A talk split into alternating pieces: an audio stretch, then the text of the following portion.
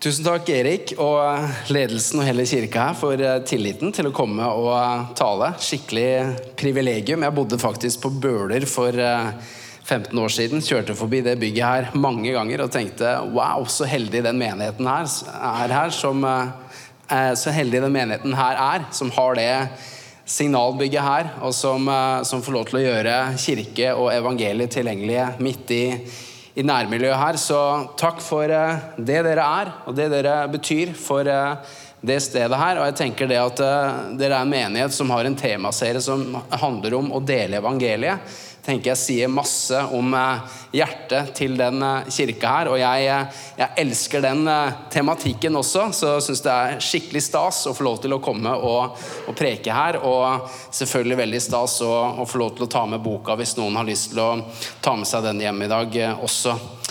Og jeg skal ta utgangspunkt i en bibeltekst som står i Apostlenes gjerninger, kapittel 8. Så jeg håper eh, du kan smøre deg med litt tålmodighetskrem her. Jeg skal lese eh, litt bibeltekst her. Eh, og så skal jeg røpe overskriften på, eller undertittelen, da, 'Amatørenes evangelium'. Du kan godt si det er liksom hovedoverskriften, og så kommer liksom en undertittel etter vi har lest teksten her. Så la oss lese Apostlenes gjerninger 8, og vers 26 til vers 39. Og der sier Skriften som følger. En Herrens engel talte til Philip og sa, Bryt opp og gå mot sør langs den veien som går fra Jerusalem til Gaza. Dette er et ørkenlandskap. Så dro han opp og gikk, og se, en etiopisk mann, en hoffmann med stor myndighet under eh, etioperens dronning Kandake, en mann som hadde ansvar for hele skattkammeret hennes, var kommet til Jerusalem for å tilbe. Han var på vei tilbake og satt i vognen sin og leste profeten Jesaja. Da sa ånden til Philip, gå bort og hold deg ved denne vognen. Philip sprang bort til ham og hørte ham lese fra profeten Jesaja. Han sa, forstår du det du leser? Han svarte, hvordan kan jeg det uten at noen veileder meg? Og han ba Philip komme opp og sitte sammen med ham. Skriftstedet han leste, var dette. Han ble ført til slakting som en sau. Og slik et lam er stum for den som klipper det, slik åpner han ikke sin munn. I hans fornedrelse ble dommen over ham tatt bort, og hvem kan gjøre hans slekt kjent? For hans liv blir tatt bort fra jorden. Så henvendte Hoffmann seg til Philip og sa, Jeg spør deg, hvem er det profeten sier dette om? Om seg selv eller en annen? Da åpnet Philip sin munn og begynte ut fra dette skriftstedet å forkynne evangeliet om Jesus for ham. Da de fortsatte bortover veien, kom de til et sted hvor det var vann. Hoffmannen sa, 'Se, her er vann. Hva er til hinder for at jeg blir døpt?' Da svarte Philip, 'Hvis du tror av hele ditt hjerte, kan det skje.' Han svarte, 'Jeg tror at Jesus Kristus er Guds sønn.' Så befalte han at vognen skulle stanse. Både Philip og Hoffmann gikk ned i vannet, og han døpte ham. Da de kom opp av vannet, tok Herrens ånd Philip bort, og hoffmannen så ham ikke lenger, og han dro sin vei med glede. Amen. Overskriften min på talen min Jeg vet ikke om de på skjerm fikk presentasjonen min her, hvis ikke går det bra. Eh, men det er å være et reisefølge. Å være et reisefølge. Og i den teksten her så ser vi at mannen han er på hjemreise fra Jerusalem til Etiopia. Men samtidig så er det sånn at i denne hjemreisen fra Jerusalem til Etiopia så skildres en annen hjemreise, nemlig hans reise ifra å ikke kjenne Gud og hjem til Gud. Og så ser vi hvordan Gud kaller Philip til å være en del av denne mannens reisefølge. Teksten den, den, forklarer at denne mannen når han er på vei tilbake til, eh, til eh, Etiopia, så sitter han og leser profeten Jesaja. Og så leder Guds ånd Philip til å holde seg nær denne vognen. Og du må, du må leve deg inn i historien. Det er som om Philip han, han går der, for vognen beveger seg, og så Hei! Skjønner du hva du leser? Og han svarer hvordan kan, noen, hvordan kan jeg forstå hva jeg leser, når, når ingen forklarer meg? Og så står det så flott i vers 31. Og han ba Philip komme opp og sitte sammen med ham. Jeg syns det er et utrolig vakkert bilde på hvordan mennesker som er på sine reiser, hvor både Guds ånd og mennesker vil invitere deg og meg til å sitte i vogna deres og være en del av reisen deres og være et reisefølge som er med og leder dem hjem til Gud, dvs. Si til troen på, på, Jesus Kristus. Og nå er, ikke et, eh, nå er ikke det mitt mål i talen her og, på en måte si at det er idealet for alle kristne, at du skal være et reisefølge fra start til slutt. Selv om det er også noe som er fullt mulig. Eh, men noen ganger så er det også sånn at eh, som Bibelen snakker om, noen kan plante noe, noen vanner noe, og så høster noen andre noe. Så noen ganger så vil du som et reisefølge overlappe noen andre som har sittet i vogna der, og andre vil noen overlappe deg.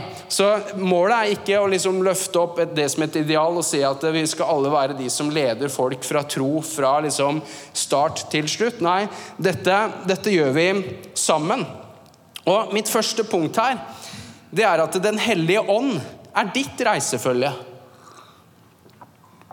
Den hellige ånd er ditt reisefølge. Og teksten den, den, sier i vers 29 så står det at eh, når eh, Philip da ser denne mannen som er i vognen, leser fra profeten Jesaja, så står det i vers 29 Da sa ånden til Philip, gå bort og hold deg ved denne vognen. Så én ting er å være et reisefølge i menneskers hjemreiser til Gud, men så er det også sånn at eh, Gud kaller oss ved Den hellige ånd til å være, være dette reisefølget. Og vi har fått Guds ånd med oss til å, å lede oss. Romerne 8,14 sier at for alle som blir ledet av Guds ånd, de er Guds barn. Så jeg tror Den hellige ånd leder oss på alle livets områder. Men her i Apostlenes gjerninger 8 og andre eksempler i Apostlenes gjerninger, f.eks. kapittel 10, så ser vi det at Den hellige ånd han er også et reisefølge i mitt og ditt liv som leder deg og meg til å lede nye mennesker til tro. Og Den hellige ånds ledelse det er ikke noe vi på en måte kan kontrollere. Men en ting vi kan lære av teksten her, det er at eh, hvis ånden talte til Philip, så må jo det ha betydd at Philip han var i lyttemodus. Han var bare sensitiv og åpen for at Den hellige ånd kunne lede ham. Og selv om det står her at ånden sa, og det er åtte ord han sier, så er ikke så Jeg pleier å si det sånn, Den hellige ånd er en person av få ord. Ikke lange, detaljerte instrukser, men det er alltid en tydelig retning. Eh, og Nå er heller ikke det poeng jeg vil ha frem her, at eh, du, skal du være ledet av Den hellige ånd i forhold til å lede nye mennesker til tro, så må du høre en hørbar stemme. Nå tror jeg det går an en, en sjelden gang iblant å oppleve det også. Men, men, poenget som jeg vil peke på her, det er at jeg og du har fått Den hellige ånd, og Den hellige ånd vil lede deg og meg til å komme i kontakt med mennesker som er åpne for å høre evangeliet. Og jeg syns det er fantastisk å se på timingen som det her skjer i også. Jeg mener, Her sitter det en mann som er på vei hjem fra Jerusalem til Etiopia. Og han sitter og leser profeten Jesaja. Han sitter og leser en helt spesifikk profeti som peker på evangeliet. Og akkurat på det tidspunktet når han sitter der med en oppslått bibeltekst i fanget, så pirker Den hellige ånd Philip i hjertet og sier, 'Hei, gå bort og still deg ved vognen der.' Og akkurat når han leser disse ordene, så spør han, 'Skjønner du hva du leser?' Så kan du se hvordan det er som hånd i hanske. Det var full match. Og vet du at Den hellige ånd han veit hvor mennesker er på sin reise, sin reise.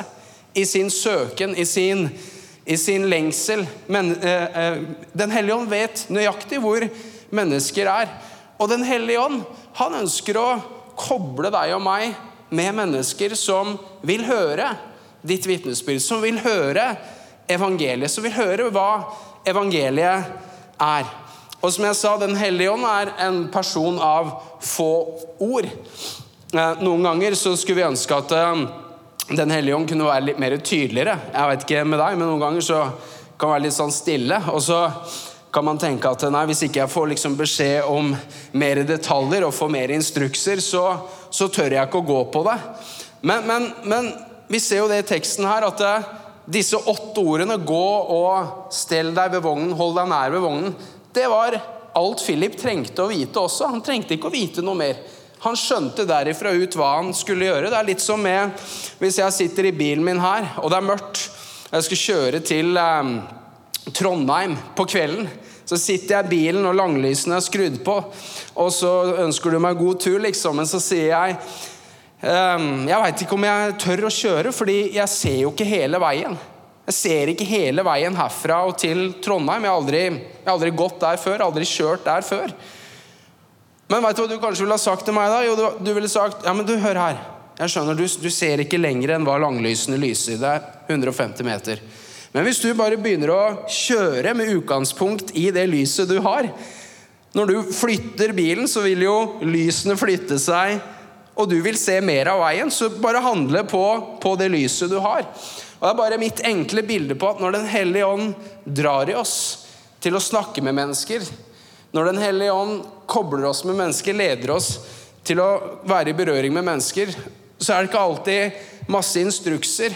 Men jeg hadde lyst til å oppmuntre oss alle sammen i dag. La oss være som Philip var, være litt i lyttemodus. Bare være litt åpen for at Den hellige ånd på vei til butikken, når du henter ungene eller leverer ungene i barnehagen, eller når du er ute og henter posten, det kan være hvor som helst, når som helst. La oss være bare litt i lyttemodus og være åpen for at Den hellige ånd han kan trekke i oss og vil at vi skal ta kontakt med mennesker. Og vet du hva, Det kan skje fantastiske ting når vi når vi tør å respondere på Den hellige ånds ledelse eh, i det å være et reisefølge i menneskers hjemreiser til Gud.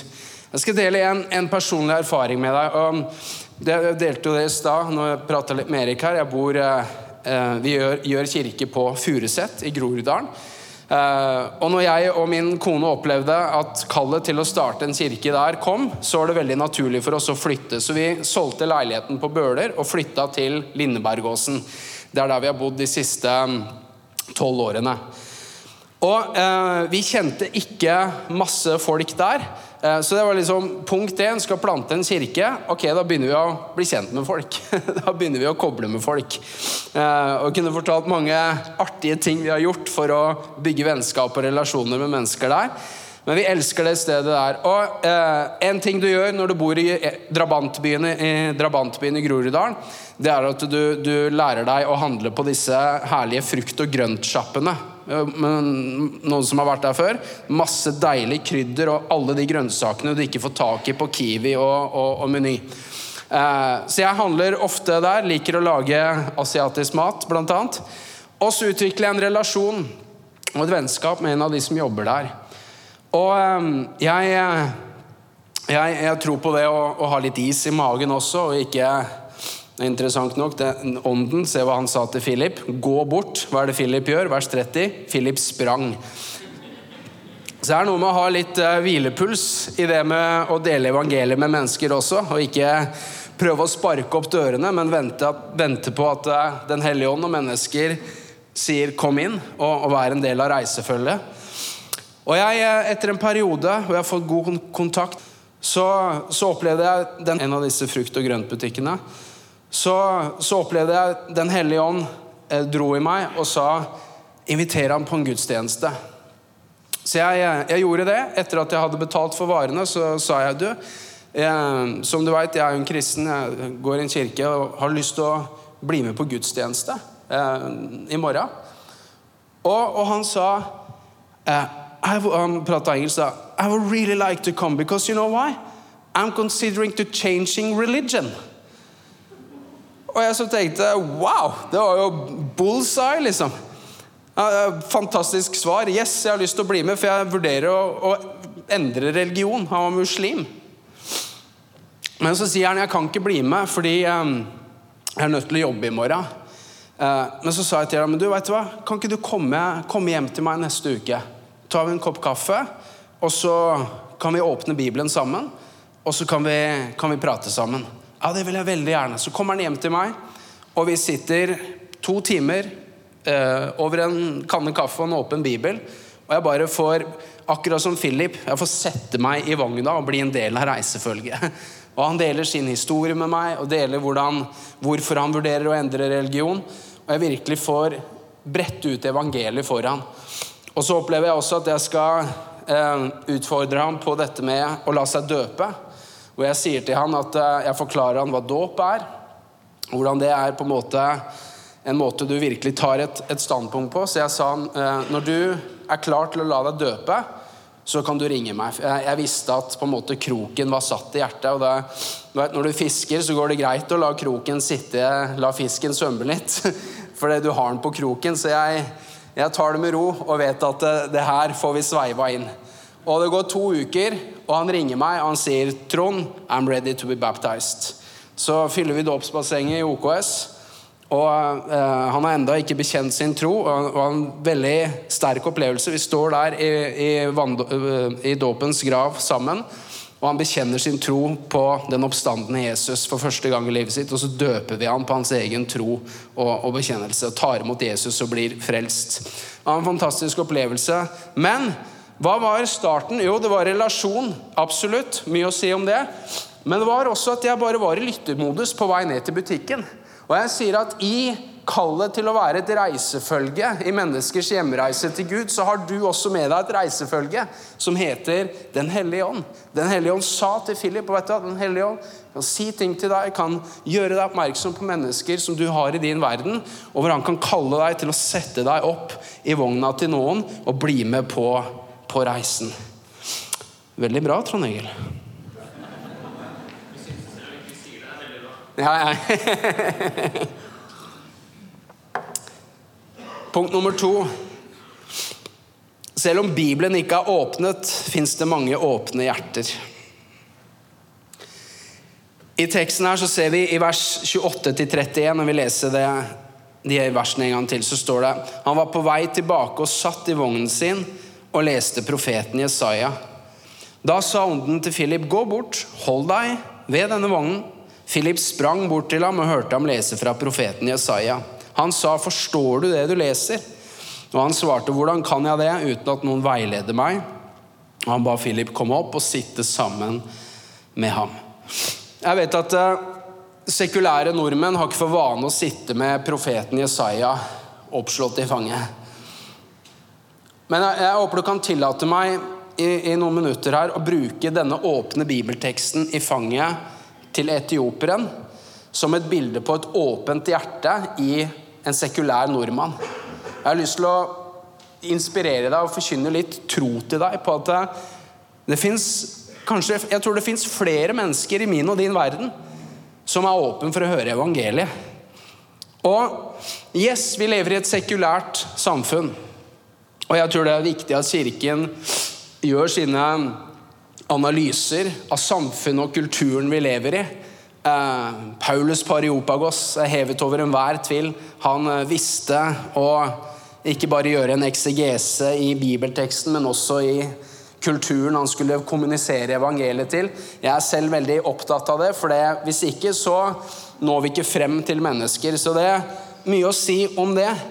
Men jeg har også merka i analysen av det, det sekulære mennesket, den, av den sekulære tiden vi lever i, så har jeg også merka med meg selv at noen ganger kan det nesten frarøve meg troen på at det fins mennesker som er åpne for Gud og åpne for evangeliet i vår tid. Noen ganger kan vi nesten snakke oss selv litt ut av troen på at mennesker er åpne for evangeliet, fordi vi er så bevisste på at vi lever i en sekulær tid. Og et begrep som går igjen i litteraturen, som analyserer vår sekulære tid, særlig hvis det er skrevet av misiologer, folk som jobber med misjon og evangelisering, det er dette begrepet at eh, man sier at vi lever i en postkristen tid. Jeg vet ikke om du kjenner igjen det begrepet der. Og det, det, er et veldig dekkende begrep som på en måte rommer en, en lang fortelling om hvordan kirken gikk ifra å ha og den kristne troen gikk ifra å ha en veldig privilegert plass i samfunnet eh, og i det offentlige rom, til å ha en veldig lav stemme og, og innflytelse med tanke på hvordan det, det da er i dag. Og det, det, er sant. jeg mener bare I USA for 100 år siden, hvis du skulle ta opp lån i banken, spurte de deg bl.a. I, i låneprosessen hvilken kirke går du eller hvilken synagoge går du i. Det er ikke akkurat sånn det er i vår tid. Fattern er i slutten av 60-åra nå. Han forteller meg om hvordan de ba Fader vår på skolen. ikke sant? Prøv å gjøre det i dag. Så det er en helt annen tid vi lever i. Uh, og ja, vi, vi, lever i en postkristen tid, og det bør påvirke hvordan vi kommuniserer og deler evangeliet med mennesker. 100% amen til det. Men kan det hende Kan det hende at i erkjennelsen av at vi lever i en sekulær tid, at vi kanskje snakker og tenker oss litt ut av det faktum at selv om mennesker er sekulære, så fins det fortsatt spørsmål, lengsler, og det fins åpne hjerter for evangeliet for Gud i vår tid. Jeg, jeg tror det. Så én ting er å snakke om at vi lever i en postkristentid. Jeg vet ikke om jeg tør å si det, men jeg sier det allikevel. Men la oss tørre å også tenke at vi lever i en prekristen tid. Det er en spennende tanke. Ja, postkristen, men tenk, tenk om vi lever i en prekristen tid. Og jeg sier at selv om Bibelen ikke er åpnet, så fins det mange åpne hjerter. En, en, idé som gjør seg veldig gjeldende i vår tid, det er det her når det kommer til religion og tro, det er at tro er en privatsak. og en ting er at det For jeg har et poeng med det jeg skal si nå, som, som peker på at selv om Bibelen ikke er åpnet, så fins det åpne hjerter. Og en, en, ting i vår sekulære tid som, som, preger deg og meg, som er kristne, det er at eh, man sier at tro er en privatsak, ergo hold den for deg sjæl. Og det kan gjøre at vi kjemper litt med vår frimodighet med å dele troen. Det tror jeg alle som har 18 av ærlighet i seg her, kan, kan nikke og si erkjenne til Yes, sånn er det. Men vet du hva jeg har oppdaga? Det er ikke Og det har jeg opplevd flere ganger. Jeg har oppdaga at eh, en ting er at jeg kjemper med min frimodighet om å dele min tro med andre, men jeg har oppdaga at sekulære mennesker kan kjempe med sin frimodighet i forhold til å prate med tro om meg. og jeg har opplevd det flere ganger hvor de, mine venner, bekjente naboer, det går opp for dem jeg er kristen, jeg er pastor. Og, og da er ofte veien kort til å også begynne å prate om det. det sånn er det når du, når du jobber, jobb, jobber, med det. Du kan si det er en drahjelp, en, en, fordel. Og jeg har oppdaga flere ganger hvordan de nesten unnskylder seg litt. For de vet så godt at det, det som er politisk korrekt, det er at tro er en privatsak. Så de kan, kan si litt sånn her Du, jeg håper det er greit at jeg spør deg om det her, for jeg skjønner at dette er veldig privat og personlig for deg, men fortell meg litt om den kirka. Fortell meg litt om, om hva du tror på. Så det er bare ett symptom på at selv om vi lever i en såkalt sekulær tid, så fjerner ikke det behovet som mennesker har for å snakke om tro. Og jeg tror det er viktig å ha litt klart for seg, og derfor så sier jeg litt kanskje profetisk og frimodig vi lever ikke bare i en postkristen tid, men jeg tror vi lever også vi kan tenke at vi lever i en prekristen tid. Og jeg tror og lurer på om mennesker er mer åpne for evangeliet enn det vi kanskje er klar over.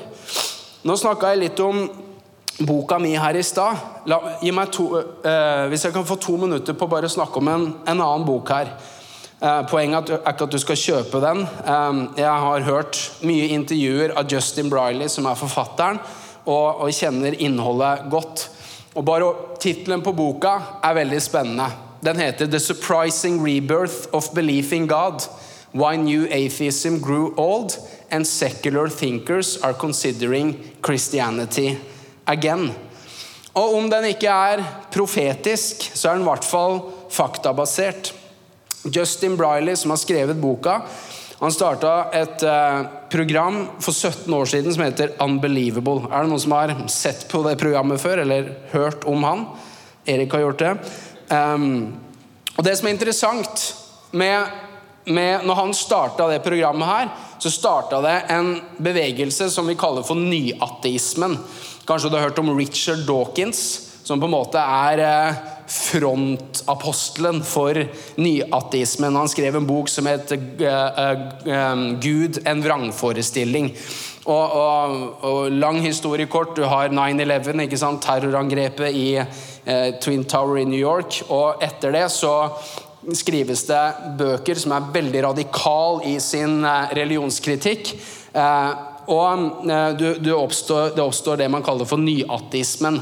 Ateisme er ikke nytt, men en form for ateisme som er veldig aggressiv, og som er faktisk evangeliserende, som er misjonerende.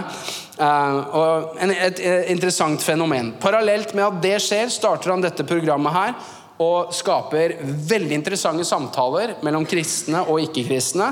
Og han merker hvordan mange, også ateister, tar avstand fra den type ateisme. Og ofte sier jeg ikke en sånn ateist som Richard Dawkins er. De hadde liksom behov for å eh, vise at jeg er ikke en sånn type ateist, for det var mye uintelligent ved eh, eh, Dawkins måte å fremme religionskritikk på.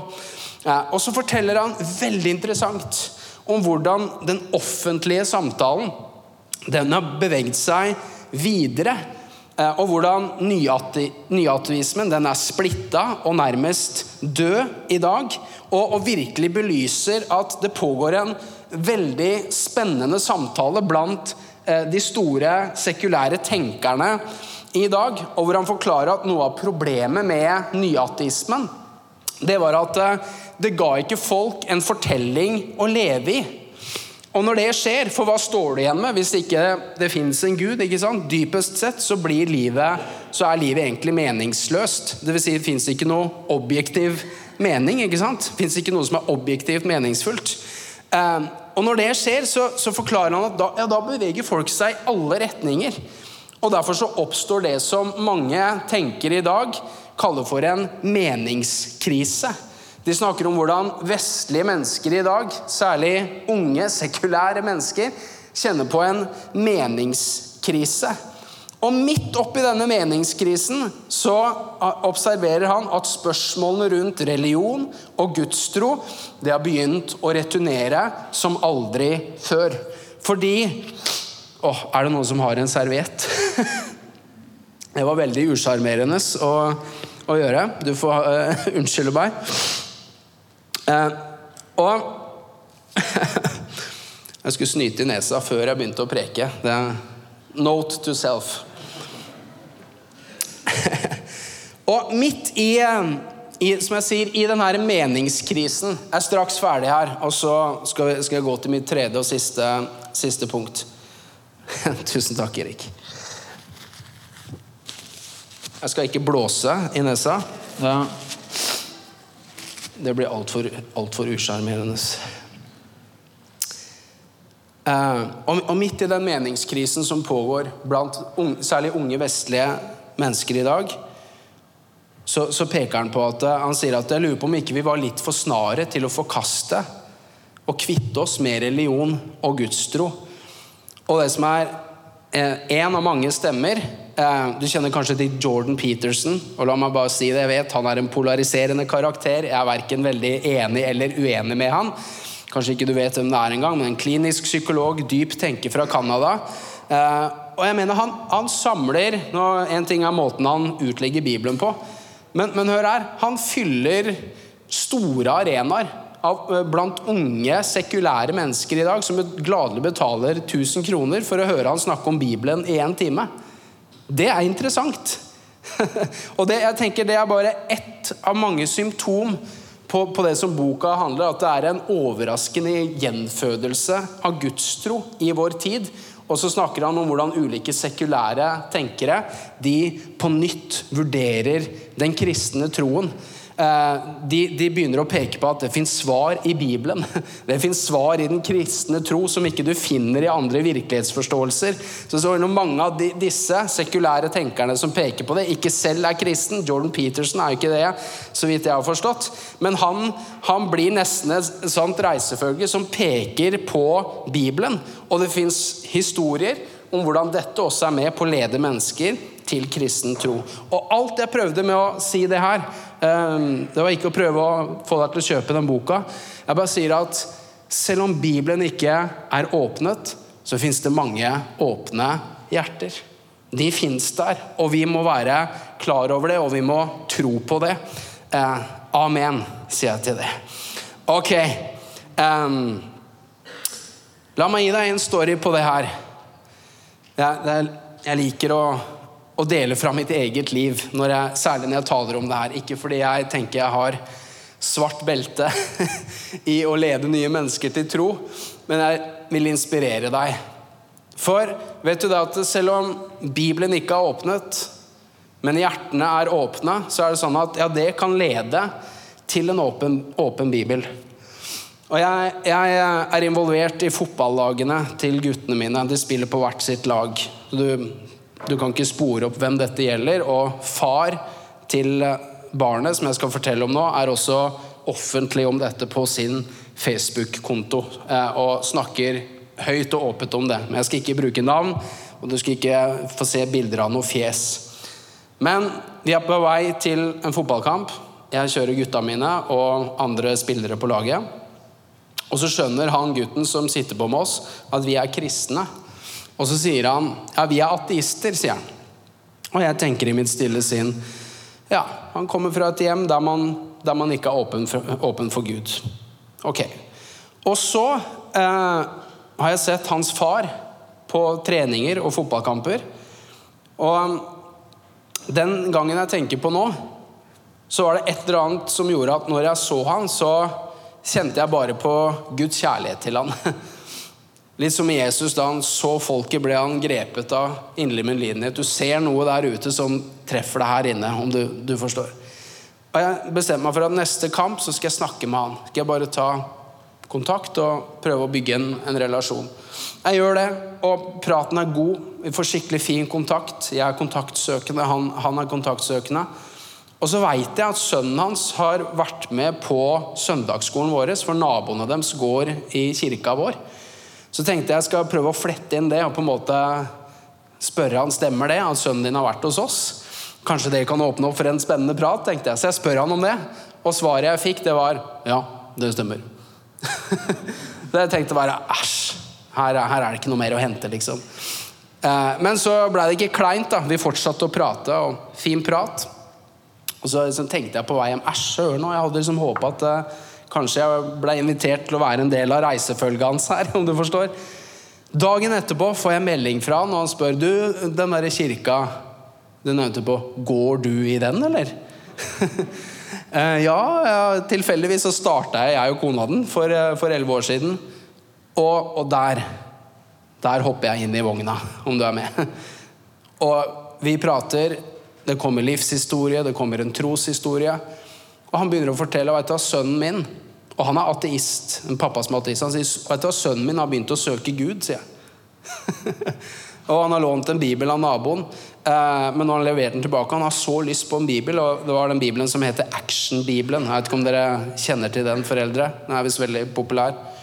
Har så lyst, har så lyst på den, men jeg har ikke hatt mulighet til å kjøpe den. Veit du hvor man får kjøpt den? Ja, jeg har kontor eh, rett ved siden av forlaget som lager de bøkene.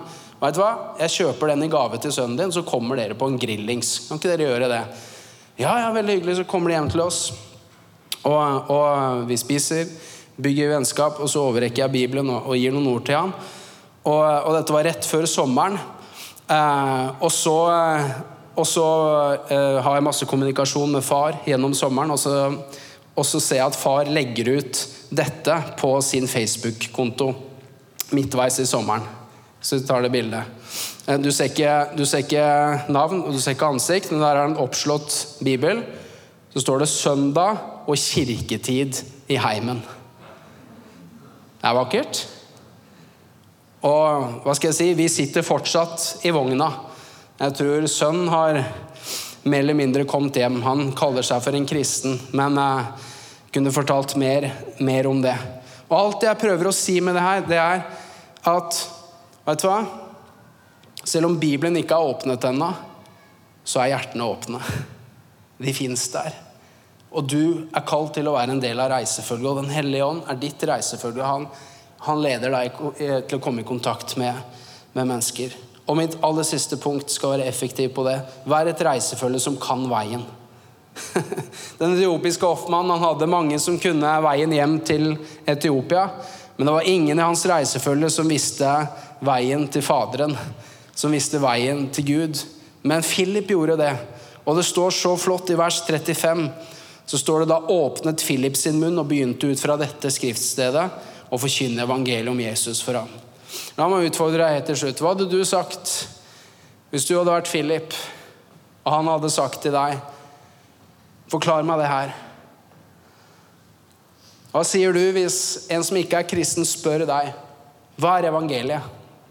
Forklar meg evangeliet. Jeg husker en gang på fest, bursdagsfest, koselig kveld. Folk fra kirka, folk som ikke er en del av kirka. Utpå kvelden så kommer det spørsmålet her eh, i en trosrelatert samtale i et hjørne, og jeg, jeg, har lange ører og hører. Så hører jeg min venn som ikke er kristen, spørre ja, hvorfor måtte Jesus dø på korset. da? Ikke som et angrep, men han hadde virkelig lyst til å, å gripe det her.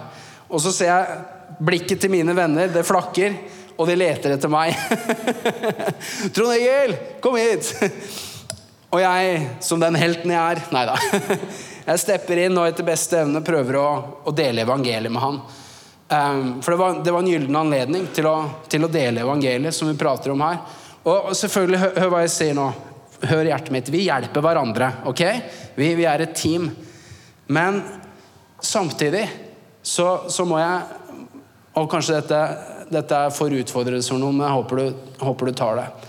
Samtidig så er det sånn at det spørsmålet, hvorfor døde Jesus på korset, når en ikke-kristen spør om det, altså hva er evangeliet, det bør vi egentlig alle kunne svare på. Eh, og, og, og kanskje hvis du sitter her og kjenner, kjenner at nei, det, det, kunne ikke jeg ha gjort, fortvil ikke. Det, det går an til å, å, utvikle seg i det å være et, et reisefølge som, som, kan veien. Evangeliet, hva, hva er evangeliet? Evangeliet betyr gode nyheter. Det er ikke gode råd om hva mennesker skal gjøre for å frelse seg selv, men det er gode nyheter om hva Gud allerede har gjort gjennom Jesus Kristus for å frelse så evangeliet, det er gode nyheter. Det er som en, eh, en konge som er i Blir angrepet. Fienden angreper, er på vei inn for å ta hovedstaden. Og kongen, han, eh, han, han sender militærrådgivere til hovedstaden og sier ryttere her, bueskytere her, dere må, dere må ta, virkelig stå på nå og, og jobbe for å redde dere selv. Det er gode råd. Men evangeliet det er ikke det er ikke militærrådgivere som skal gi gode råd om hva mennesker skal gjøre for å frelse seg selv. Så hva gjør, hva gjør kongen hvis, hvis, hans armé vinner slaget på slagmarken? Jo, vil han sende militærrådgivere til hovedstaden som sier 'ryttere her, bueskytere her'? Nei, han vil sende folk som har gode nyheter. Som sier 'hei'. Vi vant krigen. Lev i henhold til den freden som nå allerede er vunnet for dere. Så hva er evangeliet i sin essens? Det er gode nyheter. Gud har forsona seg med verden gjennom Jesus Kristus, og vi har fått forsoningens tjeneste og skal si til mennesker la deg forsone med Gud. Vær et reisefølge i menneskers reiser hjem til Gud. I Jesu navn. Amen.